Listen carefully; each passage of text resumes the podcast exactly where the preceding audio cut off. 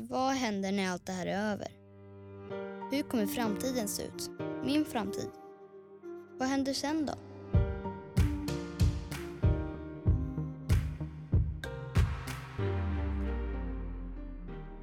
Det är så härligt att höra att det är så många som pratar om omställning just nu. Jag förstår omställning som en anpassning. Men det som jag saknar, det är fler som pratar hållbar omställning. Hållbarhet är ju så brett och hållbarhetens alla aspekter måste ju alltid vägas in som social, ekonomisk och miljömässig hållbarhet. Det går ju inte att isolera en del och jobba bara med en bit, för då tappar man ju helheten. Om man till exempel skulle försöka lära sig gå genom att bara sätta en fot framför den andra, så förstår man ju att det skulle inte funka utan balans, utan att kunna avgöra avstånd eller att, eh, ja, utvecklingen blir ju liksom att man kanske går mer och mer avancerat. Det är kanske en dålig jämförelse, men jag tänker att saker och ting hör ihop och det behöver vi se också inom hållbarheten. Det som kan vara svårt för oss vanliga människor, det är att veta vad man ska börja med och hur man ska göra. Och hur blir det också en skillnad som faktiskt gör, eh, ja, som gör skillnad ur ett hållbarhetsperspektiv. Till exempel så skulle man ju kunna tänka sig att förutom en innehållsförteckning på en vara eller en produkt så skulle det också kunna finnas en beskrivning för vilken typ av avtryck som den varan eller produkten har gjort när den produceras. Ehm, jag har precis börjat läsa Mattias Goldmans nya bok Klimatsynda.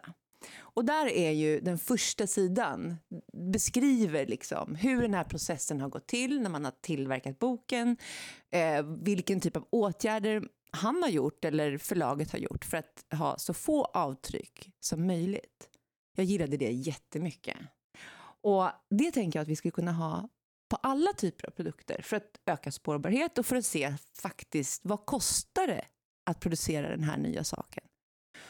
Och varför inte börja med maten?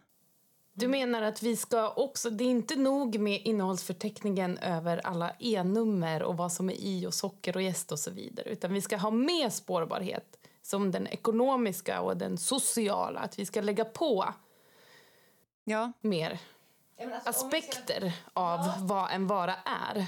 Ja, men om vi ska kunna göra riktigt hållbara val, då är det ju faktiskt viktigt eh, att vi vet att vi väljer rätt. Idag finns det ju miljömärkningar som vi kan följa och då vet vi att vi gör lite bättre. Finns det en, en beskrivning av vilken typ av eh, klimatavtryck som är gjorts för att producera en, en ny vara?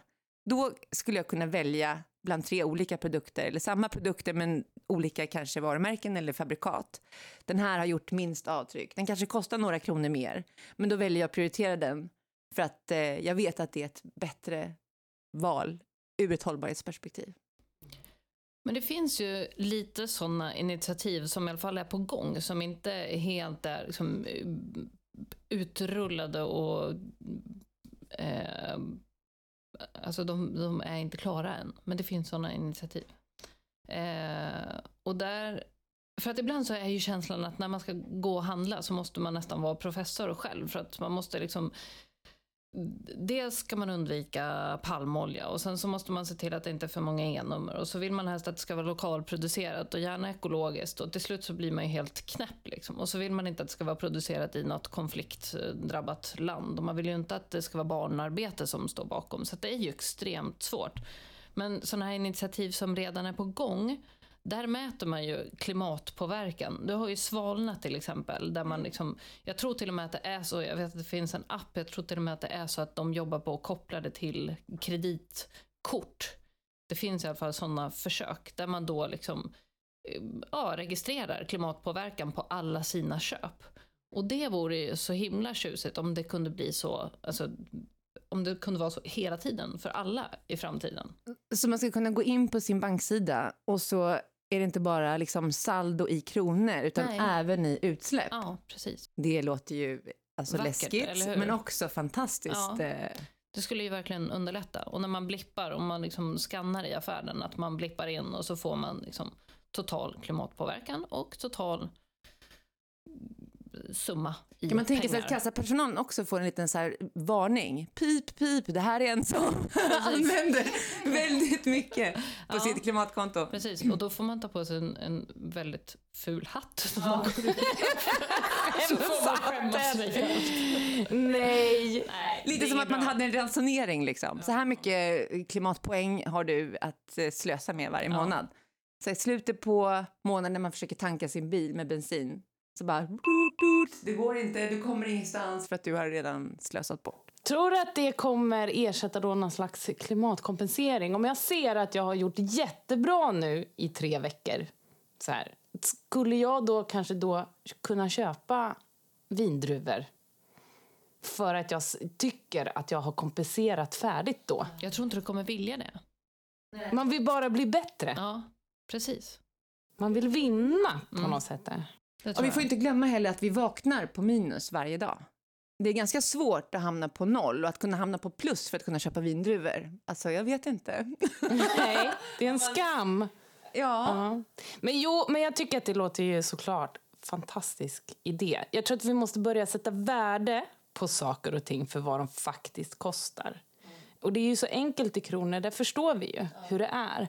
Men om man också då kan sätta dit en sak till att ta hänsyn till då. Jo, men det är klart att det är viktigt, tänker jag, att allting får ett pris. Allting kostar vad vi än gör. Även om det kanske inte är pengar alla gånger så har det kostat resurser att tillverka eller producera och få fram och få hit. Allting är ju så fantastiskt tillgängligt hela tiden för oss. Jag kan äta apelsiner när som helst på året. Och det kanske är så att vi konsumenter eh, i liksom någon typ av samråd med de stora aktörerna på marknaden faktiskt får göra en ny överenskommelse om att alla måste inte ha klasbananer, alla måste inte ha Alltså bananer i klasar, man, man kan köpa singlar.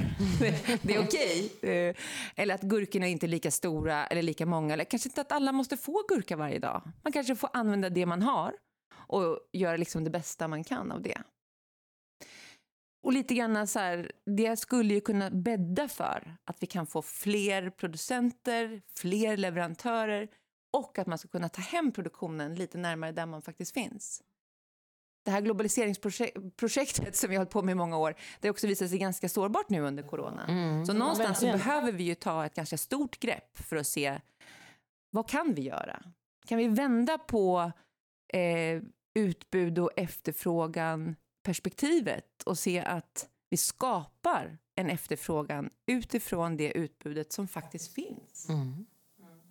Visst. Vi kanske måste tänka så i ett större perspektiv också. Hur vi dukar när vi ska servera middag. Måste alla ha likadana tallrikar? Måste man ha likadana bestick? Eller går det att ha lite olika? Men jag tror definitivt att alltså, under den här våren så har vi insett hur otroligt sårbart vårt system är och framförallt vårt livsmedelssystem. Eh, vi förväntar oss att det ska vara liksom, full, fullt utbud alla dagar om året när man går och handlar.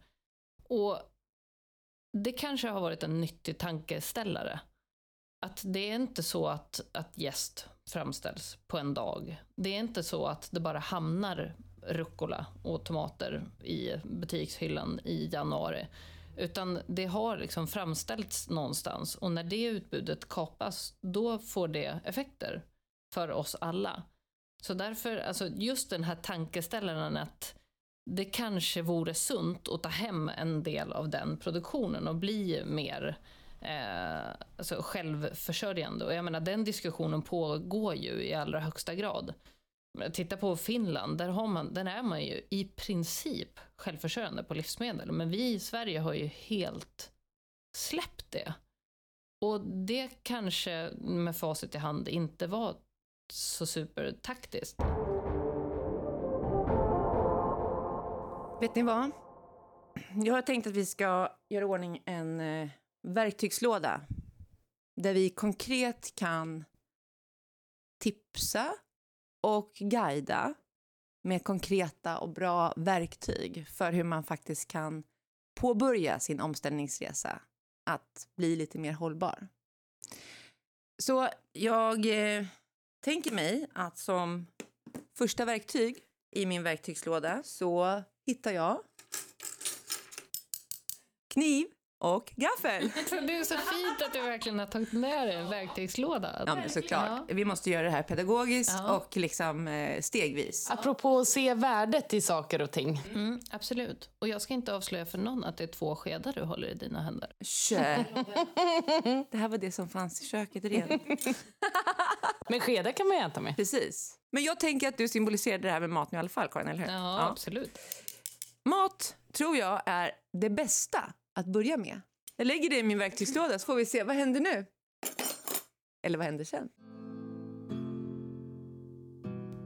Jättebra att vi börjar prata mat. Jag har ju träffat Marianne Backrud Hagberg som är verksamhetschef på måltidsservice på Nyköpings kommun. Hej Marianne! Kan inte du berätta lite vem du är? Mm. Jag heter Marianne Backrud Hagberg och är verksamhetschef för måltidsservice i Nyköpings kommun och har varit så i ungefär ett och ett halvt år. Eh, Vi drog igång vår verksamhet i egen regi. Just det, för visst har det varit så att eh, den offentliga måltiden har legat ute på en eh, entreprenör innan? Det har legat ute på entreprenörer, olika entreprenörer i ja, drygt 25 år faktiskt. Mm. Mm. Så det är en ganska stor grej, bara den förändringen. Mm. Mm. Och då, alltså vi befinner oss ju i en väldigt märklig tid eh, och det påverkar även liksom en, en sektor som, som din och själva maten är ju viktig att, att ha med i det här. Vi ser ju att lokala matproducenter påverkas även de i och med att restauranger drar ner på sin verksamhet och så vidare. Det får ju, eh, ja, det blir ju ringa på vattnet och blir ju, eh, kan ju bli långtgående, få långtgående effekter. Eh, och då har ni tagit fram eh, någonting som ni kallar ett skafferiavtal eller i alla fall ni utreder möjligheten till ett skafferiavtal. Kan du inte berätta lite om det? Det lät spännande. Mm. Jag kan säga som så att eh, politikerna har önskemål om att vi ska fortsätta att utreda ett skafferiavtal och vad det skulle kunna innebära. Så vi har precis påbörjat det arbetet egentligen. Ett arbete som, som tog lite halvhalt under förra året men nu vart det eh, fokus på det så nu tar vi tag i det. Så det var någonting man resonerade kring redan innan, möjligheten att, att jobba på det här sättet? Ja, det fanns ett intresse eh, från olika håll. Jag är inte riktigt säker på vilka håll och jag vet inte riktigt varför, varför det inte tog fart riktigt då men nu vet jag att det har tagit fart i alla fall. Ja. Och vad innebär ett skafferiavtal? Ja, det innebär att vi som offentlig verksamhet ska kunna handla eh, lokalt utav lokala handlare, lokala eh, mindre, jag ska inte säga grossister, men handlare eller olika typer utav affärsidkare. Mm. Och att ni kan göra det då i en upphandlingssituation på ett lättare sätt än... Ja, eh, vi har ju, tyvärr är det väl som så att det som begränsar oss många gånger det är ju lagen om offentlig upphandling där det är ganska styrt hur mycket vi kan direkt upphandla och så vidare. Men i det här livsmedelsavtalet som vi tog fram, upphandlingsunderlaget för livsmedel som vi tog fram förra året, så finns det ett utrymme, jag tror det är på cirka 600 000, som vi kan handla utanför eh, det stora avtalet. Och det är väl det vi hoppas att kunna utnyttja nu i det här skafferiavtalet. Och utöka också eller bara utnyttja? Eh, Det här är under det pågående avtal, men i nästa avtal finns det säkert eh, möjligheter. Men det är väl som så också att vi styrs av lagen här och jag vet inte exakt hur höga belopp som vi har möjlighet att kunna eh, gå utanför. Och det känns ju som ett lysande tillfälle att liksom jobba på med ett sånt här avtal nu. För från ett hållbarhetsperspektiv så, så känns det som att så här borde vi alltid jobba, att vi liksom lyfter lokala mataktörer och särskilt då som offentlig aktör. Men varför tror du att det liksom stannade upp tidigare? Varför har man inte jobbat på med det här? Eh, jag tror så här, som vanligt så handlar det väl om eh, att det behövs någon, några resurser som verkligen kan hitta lösningar för det här i praktiken. Det handlar mycket om logistik. Det handlar mycket om hur gör vi operativt i verkligheten? Vad har man att erbjuda? Vad vill man handla upp och så vidare? Vi måste mötas, vi måste eh, ha någon, några som kan eh, se till att det kan bli verklighet. Som kan lösa de praktiska detaljerna helt enkelt. Jag tror det är där vi stoppar upp många gånger. Mm. Ja, och om man då, alltså om man som offentlig aktör då liksom hjälper till och på något sätt håller de här lokala matproducenterna under armarna och, och lite, alltså från ett hållbarhetsperspektiv liksom, ta med dem i beräkningen även framöver? Alltså, hur, hur tänker ni där? Är det här liksom någonting som är Eh, under den här coronakrisen eller tänker ni att det här är någonting som man kan jobba vidare med och, och utöka kanske till och med? Mm. Det, det här som vi som, ja, det här som har tagit fart nu, skafferiavtalet, det, det vet inte jag men jag tror kanske att det var lite, fick lite mer fart i och med coronakrisen. Mm. Jag tänker också att vad händer efter den här coronakrisen? Hur kommer det att se ut då? Man kanske nationellt börjar titta på den här lagen om offentlig upphandling. Är det så bra det här egentligen? Det, det handlar ju om hela världen, det handlar om hela Europa, det är inte Mm. bara Sverige och Sörmland utan eh, hur ska vi göra? Hur ska vi se på det här framöver? Det kanske inte var den bästa lösningen vi hade. Nej. Så jag tror att om vi ska få till en stor förändring över tid så måste det lyftas på minst nationell nivå. Ja. ja, det där är jätteintressant för att just den här lokala resiliensen, alltså att man kan förlita sig till att det produceras mat lokalt. Den är, man inser ju hur otroligt viktigt det är i en sån här situation. Så, det där är- kan man ju verkligen, verkligen hoppas på. Ja. Så att en nationell, eh, att det blir något initiativ på nationell nivå. Det är lite det du hoppas på. Om det ska ta riktig fart så tror jag ju att det är lösningen faktiskt. Mm. För annars är det liksom en summa som är öronmärkt och som man skulle kunna vara lite mer flexibel med. Men Ja. annars är det fort, fortfarande svårt. Mm. Ja, så är det ju. Lagen ser ju ut på det sättet. Mm. Och det är den vi har att förhålla oss till. Ja. Hur tråkigt den är. Men du kan inte, om vi lämnar det här för då ser det ut som att det finns en ambition men då måste man liksom ligga på så att det inte bara är här i Nyköping, Sörmland utan även nationellt. Eh, men det finns ju andra förändringar som ni har gjort i och med en ny kostpolicy som har tagits fram. Eh, och ni tittar jättemycket på det här One Planet Plate, eh, vad man kan utläsa från, från strategin. Alltså, om du skulle få göra en framtidsspaning kring liksom, hållbar, den hållbara offentliga måltiden i Nyköping, hur, hur ser den ut? Vad tror du där? Mm jag tror att man behöver belysa det ur olika perspektiv faktiskt. Jag tror att eh, det här med klimatavtrycken och hur mycket CO2-avtryck vi lämnar efter oss är en jätteviktig del. Men det här handlar ju om eh, en jättestor omställning. Jag skulle säga ett paradigmskifte i matkulturen i Sverige när vi ställer om till eh, ja, grödor som är hållbara och kött som är hållbart och så vidare.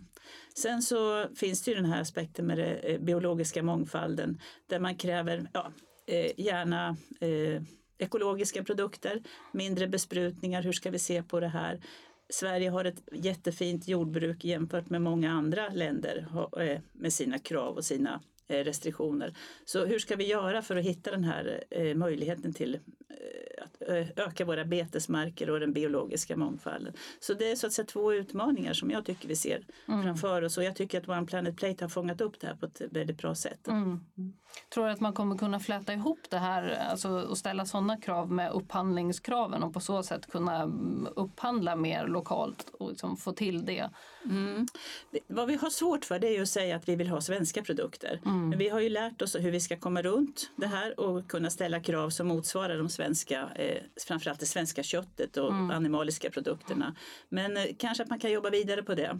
Eh, och kunna ställa de kraven. För det här med närproducerat som, som egentligen många ropar efter och vill ha, det är väldigt svårt att handla upp. Vi kan inte säga att vi vill ha närproducerat. Nej. Nej. Det är här vi hamnar. Ja, nej men verkligen. Mm. Vad spännande Marianne. Eh, tack för att vi fick den här pratstunden med dig. Tack så mycket. Tack. Alltså det här låter jätteintressant, Karin. Vet du om det här är någonting som pågår på fler ställen, eller är det just bara här i Nyköping? Jag är ganska säker på att man tittar på sådana här lösningar även i andra kommuner. Om inte annat så tror jag att det man gör i Nyköping kan inspirera många fler. Alltså det känns ju så otroligt viktigt att en aktör som, eh, som kommuner går före och visar vägen. Alltså vi måste lyfta den lokala matproduktionen. Eh, det har ju blivit så extremt tydligt under den här krisen och det inser man ju. Och jag tror också att alltså man inser att man sitter på mycket makt i och med upphandlingar och att man faktiskt kan påverka. Men så hör man ju också att Marianne låter frustrerad över det faktum att de är begränsade i sin, eh, ja, i sin Alltså i möjligheten att handla med tanke på lagar och regelverk. Så det är väl något man får titta på liksom på nationell nivå. Som man kan hoppas kommer hända. Men verkligen. Och jag tänker så här, vi måste ju vara flera aktörer som måste kanske agera på det här. Och eh, det är ju precis som du säger Karin, det här med att det är kommunen som ändå kan och faktiskt leda vägen på något sätt för att kunna se hur man tar in det här i den kommunala verksamheten. Men jag tänker också vi som konsumenter som, som eh, då köper på eh, de här ehm, ehm, matbutikerna också att vi kanske kan ta ansvar och då köpa lokalproducerat eller att vi vänder oss till, åker till en bondgård eller pratar med en jägare eller vad vi nu gör och faktiskt köper lokalproducerad mat, vad nu det kan vara. Och det tycker jag faktiskt också någonting som vi ska lägga i eh, verktygslådan, eller hur? Ja. Att det är ett enkelt konkret sätt att faktiskt eh, göra skillnad eller vara med det är lite häftigt, eh, apropå det verktyget, eh, att lyfta lokala matproducenter. För att under den här perioden så har ju såna här rekoringar fått världens uppsving.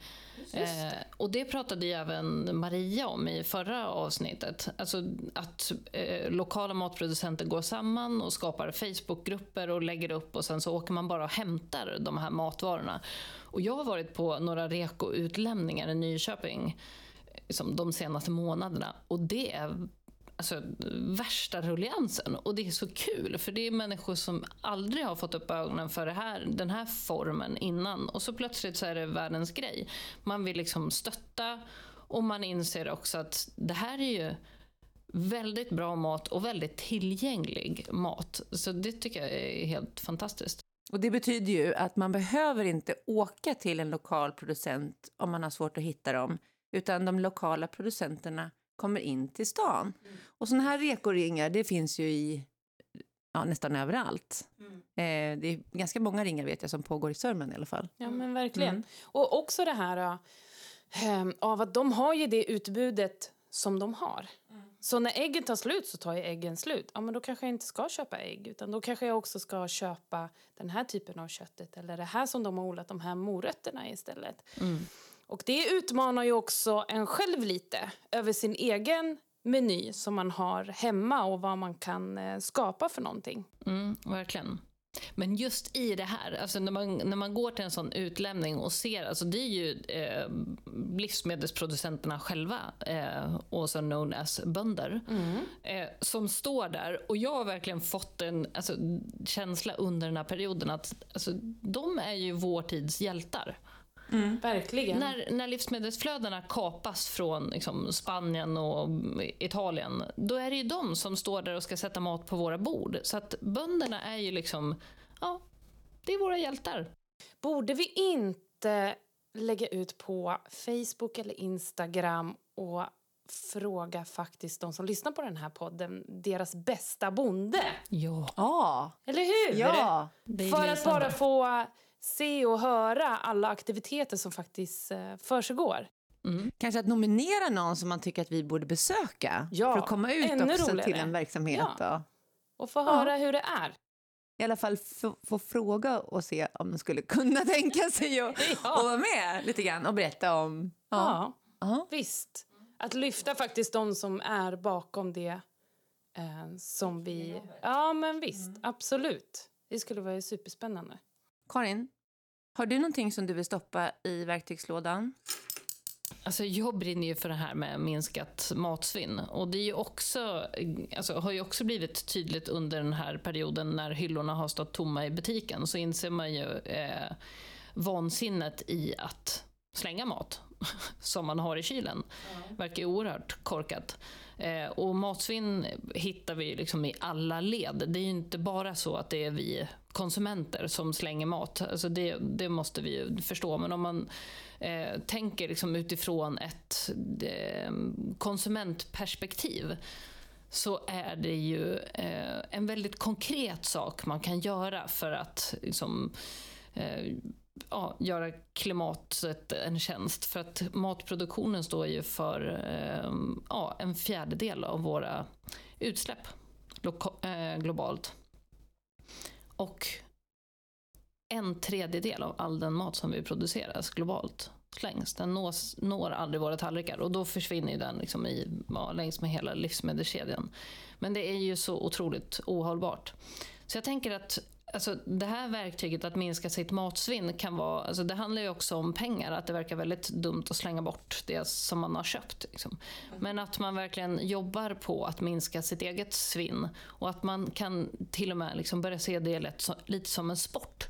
Alltså att man verkligen rensar kylen innan man går och köper nytt och att man liksom går igenom sin frys och tömmer och lagar upp allt det man har. Alltså lite så här... Och våga göra det kanske? Ja, men precis. Att alla inte behöver käka precis samma. Precis. Att man är kreativ i sin matlagning. Och sätter lite guld, restguldkant och vågar liksom. Visst. Så det, ja, det är mitt bästa.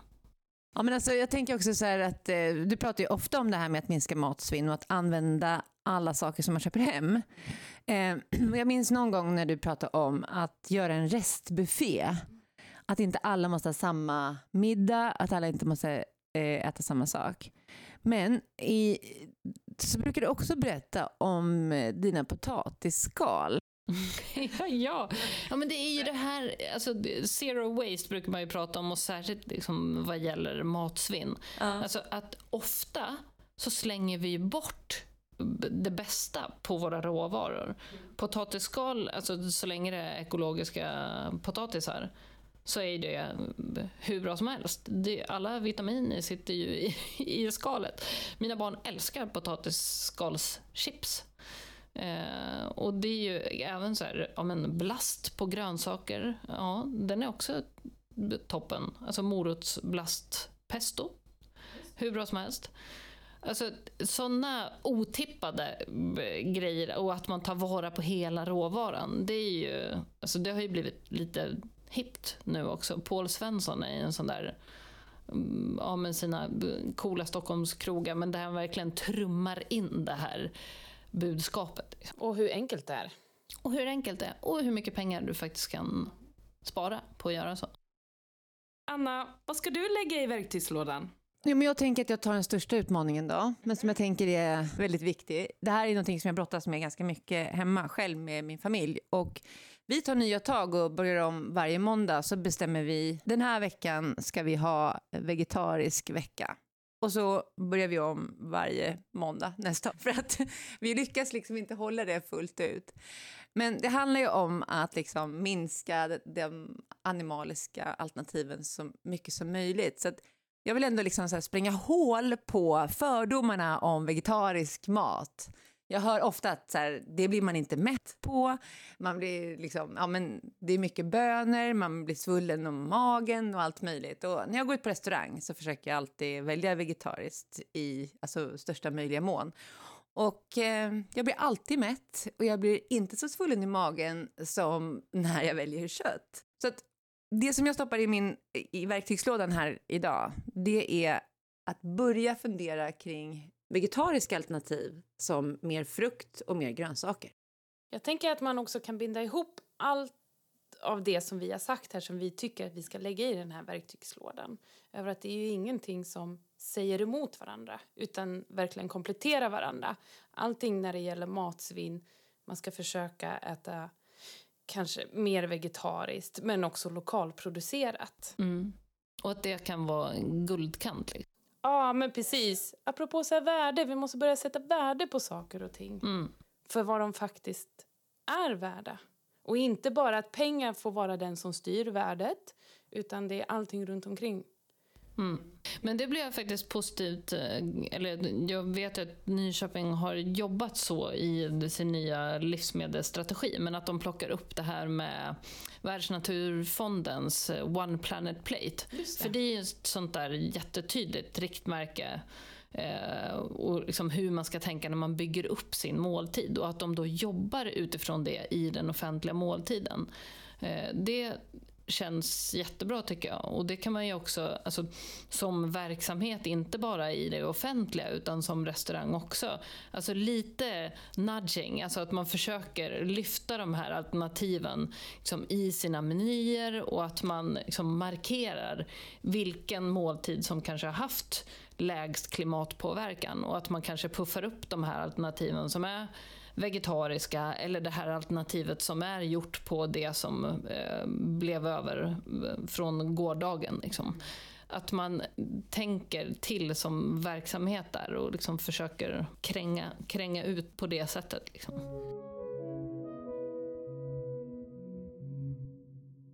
Så nu när jag går igenom verktygslådan här i slutet på programmet så har vi alltså stoppat ner eh, kniv och gaffel, eller ja, två skedar,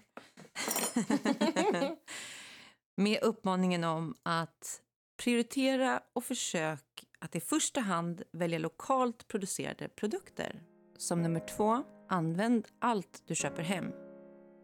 Nummer tre, vänd dig vid tanken av att köpa och äta mer vegetariska alternativ, grönsaker och frukt. Det låter ju som lätt som en plätt. Inga problem. Det var fyndigt. Med en plätt, eller? Ja. Och Grönsaksplätt. Denna podd producerades av mig, Neisano, i Neisano Studio. Eh, alltså de här potatisskalen som ni gör chips av. Ja. Är det verkligen så? Alltså hur gör man ens? Alltså det är så himla enkelt. Du skalar. Om du inte orkar göra chipsen samma dag, då lägger du skalen i en burk. Får du besök så kan de undra vad som ligger i burken. Då får man bara förklara det. Och sen så lägger man dem på en plåt när man väl är redo. Så masserar man in dem i olja, häller på lite salt och ställer in dem i ugnen. Vad gör man med oljan sen då när de är klara? det tar vi ett annat avsnitt.